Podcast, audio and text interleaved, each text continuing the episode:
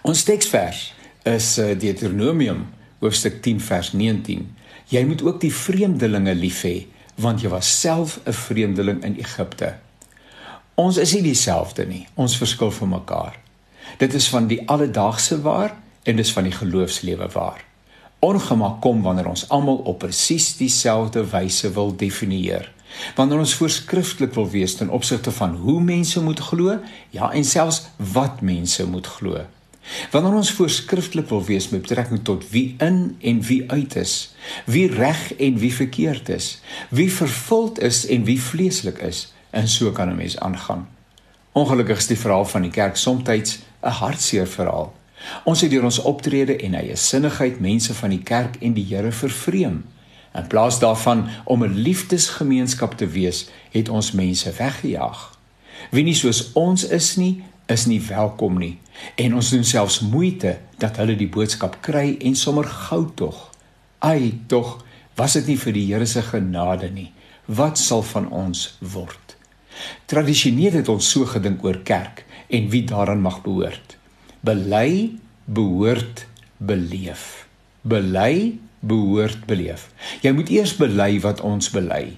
Dan word jy deel van ons en dan sal jy moontlik warmte en aanvaarding beleef. Maar ek is so dankbaar dat ons deesdae anders dink oor kerk en wie daarvan deel is. Want die orde is omgedraai. Dis beleef, behoort, bely. Jy beleef eers iets by ons, die liefde van die Here. Dan spreek jy die begeerte uit om te behoort en word hartlik verwelkom.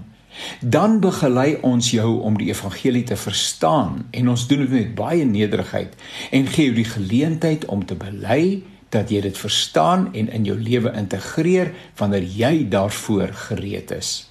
Dis tog hoe dit met ons kinders gestel is nie waar nie. Van kleintyd af ervaar en beleef hulle warmte wat hulle gevoel van behoort gee tot hulle iewers langs die pad belydenis van geloof af lê. Met ander woorde, dis eers be beleef, dan behoort en dan bely. Koffie drink na die erediens is 'n eensame tyd vir baie. Hulle probeer een of twee keer en raak dan weg, volledig weg. Koffie drink na die tyd is waar die verkondigde boodskap dan nou juis voete moet kry. Dis waar afstand oorbrug word en die ander in liefde en met opregte belangstelling opgesoek word. Die vreemdeling word nader getrek, aan die ander in jou groepie bekend gestel en verwelkom. Volgende Sondag het die besoeker 'n naam en 'n adres en word hy van die kansel af verwelkom. Ek wonderstellig wat jou ervaring in die verband mag wees. Bely jy vandag omdat jy beleef het op 'n stadium toe mense na jou uitgereik het. Behoort en toe beleef en toe kom die bely.